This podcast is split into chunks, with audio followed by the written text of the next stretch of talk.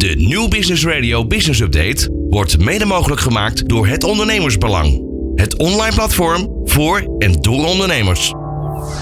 Het begint altijd met een idee. Een klein idee dat leidt tot iets groters. Een groot idee dat je maar niet loslaat.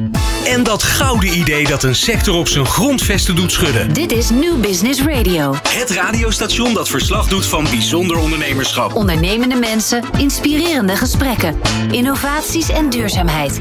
Dit is New Business Radio. We're talking about the cybersecurity predictions for 2023. Our guest is Kevin Bocek. He's Vice President Security Strategy at Venafi. Welcome to this new Business Radio special.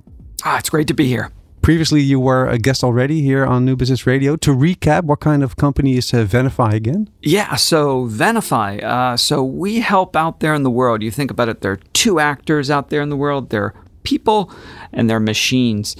Um, customers, team members, workforce, those are people. Machines can be software, cloud. Um, we give identity to your software, to your cloud, so you can know what's good or bad, friend or foe. And that's only more and more important as we head to a world where there's AI and cloud services that are running business. Mm-hmm. Can you give an uh, example of uh, a day to day routine that you uh, are involved with? Yeah, so you can actually experience this yourself right now. If you go to your web browser, which maybe you're listening in your web browser, Yeah. you can actually experience this. There's a little padlock that's up in the upper left hand side, and that says, hey, that your computer's talking to a machine in the cloud, uh, and you know who that machine is. You know that if you've got privacy, it's encrypted. That's machine identity. And we help manage that so that you can have authentication, you know what's good or bad, friend or foe. And especially in a world where you're using more and more cloud mm-hmm. services, you actually mm-hmm. don't own it, you can't touch it. That's really important. That because what's the difference between your cloud, my cloud? In the end, it comes down to identity, a machine Yeah. identity. Okay. Okay. Nice. We're talking about the trends coming up, uh, but first let's review uh, this year, 2022. What would you say uh, are the biggest uh, cybersecurity developments in 2022? Wow, uh, Yeah, things we start? certainly could not have, um, you know, expected. So we've had uh, war. Um, we've got now uh, inflation. Money costs money. Um, we've had this whole crazy uh, blockchain and mini Bitcoin meltdown. So all of that affects the cybersecurity landscape. We can see this in the way that uh, attackers are being motivated uh, in what they're doing. We're seeing ransomware. So I infect your computers, your cloud, and I say, pay me. That continues to today.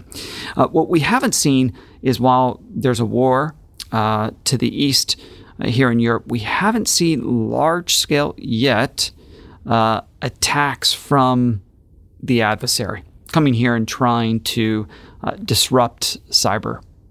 Uh, yeah, we've seen pipelines blown up, um, but we haven't yet, though, seen cyber attacks uh, coming from the adversary. That's something when we talk about our predictions to the future, yeah, we need to we need to pay attention. And the other thing too, then you know, attackers have started to to change. They were really all in on trying to mine things, take over your computers to mine for Bitcoin or trying to steal Bitcoin. That's becoming less and less uh, interest uh, for cyber criminals.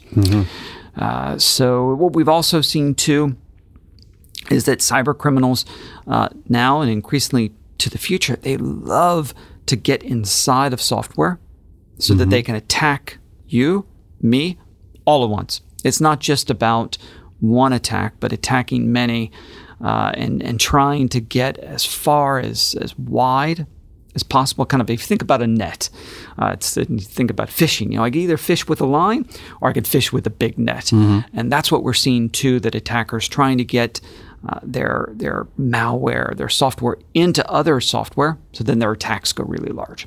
All those and more we've seen this year. How can you recognize those threats in that software? Yeah, so you only can recognize it after when you take a look at the attacks. When it's already Uh, done. Yeah, and we and these are what we call supply chain attacks. So, just like uh, if I were going to affect um, the food supply chain.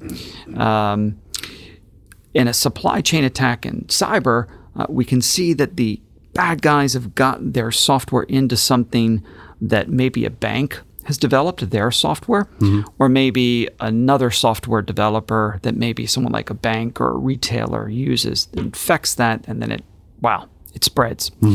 Uh, that's a supply chain attack, and that's something that we've seen. It's a wave that just keeps coming, uh, and it, and it's a it's a great target too because during the pandemic, we've seen huge rise in the use of, of cloud services. So more and more developers mm-hmm. using cloud services. They, the developers, are a really, really great target. If you ever met a developer before, mm-hmm. I mean, they they they they love their code.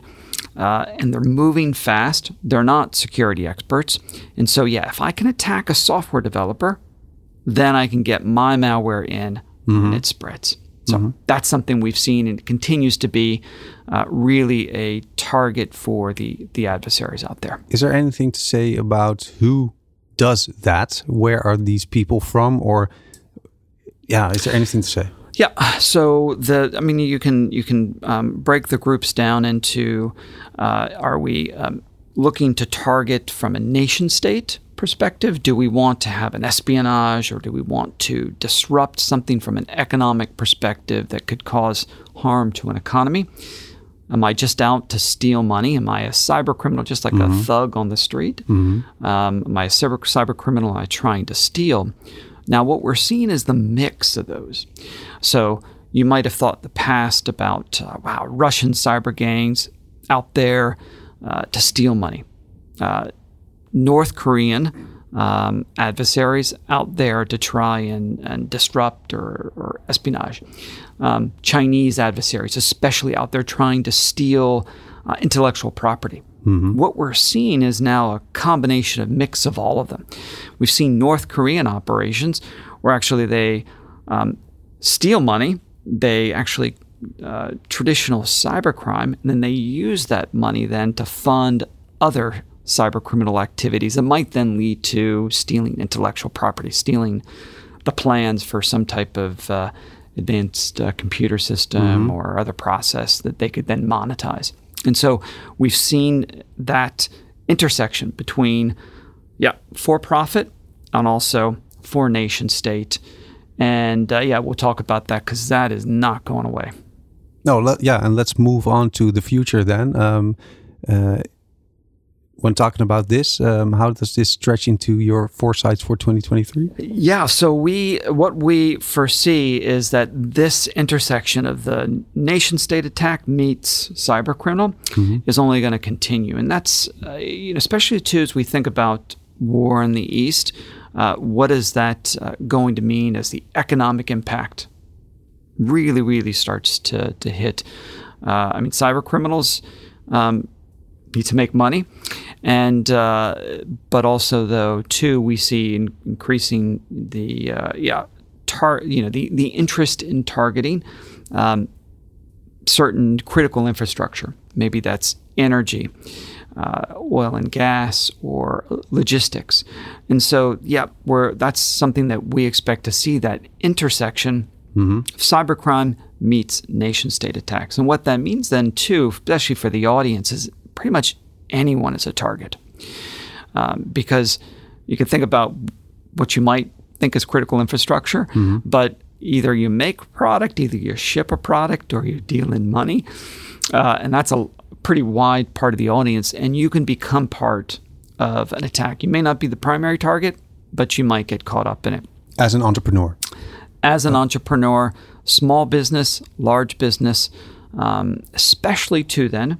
So this is the the other part of the predictions as businesses are moving to the cloud. Because as you're a if you're an entrepreneur or even a, a large bank, um, you're not running your business with a whole bunch of computers that you own.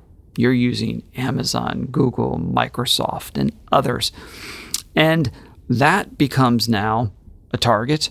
Um, you're not using just one cloud you're using many clouds.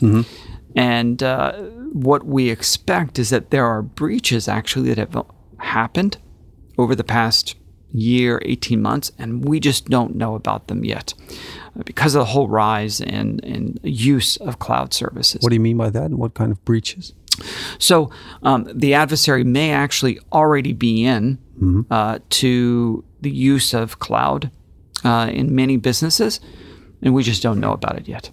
Uh, typically, it's taken in the past 200 to 300 days, in many cases, to discover really sophisticated attacks. Mm-hmm. Uh, and as we start to use more and more cloud, again, whether you're an entrepreneur or you're a big business, this is a place we know the adversary is going to target. The past, they've tried to get into your data center, yeah. stay there, but hey, that's that's not what what business is running on anymore. Sounds pretty grim. Uh, pretty I mean, dark. This is what. yeah. So we know when I talk to business leaders, I say, hey, you know, cyber is just like a risk, like any other in your business, but it's now become a top three risk. So yeah, you might have a risk in your um, physical supply chain. So, can I get products from one place to another? But now cyber is also a risk. Hey, if are we going to come under attack? Can we stay operational? Um, or if you're a retailer, same thing. Um, yeah, cyber is just one of those top 3 mm-hmm. business risks that you now have to consider. Used to be maybe, yeah, it was somewhere down in the back, but it's one of your top three now. Okay. Um, rounding up this uh, conversation already, uh, what can you do as an entrepreneur or as a business owner? Well, the great thing is too is we're using more and more cloud services. There is more and more uh, cyber protection, cyber security that's available. So we talked about things like uh, machine identity in mm-hmm. the cloud. All your cloud services need to have identity. You can get that now as a service. Um, so that's the encouraging thing too, is that the availability and speed that you can get now, mm-hmm. uh, cybersecurity is much more widely available, uh, and it's it's fast, and it doesn't require necessarily uh, an army of cybersecurity experts.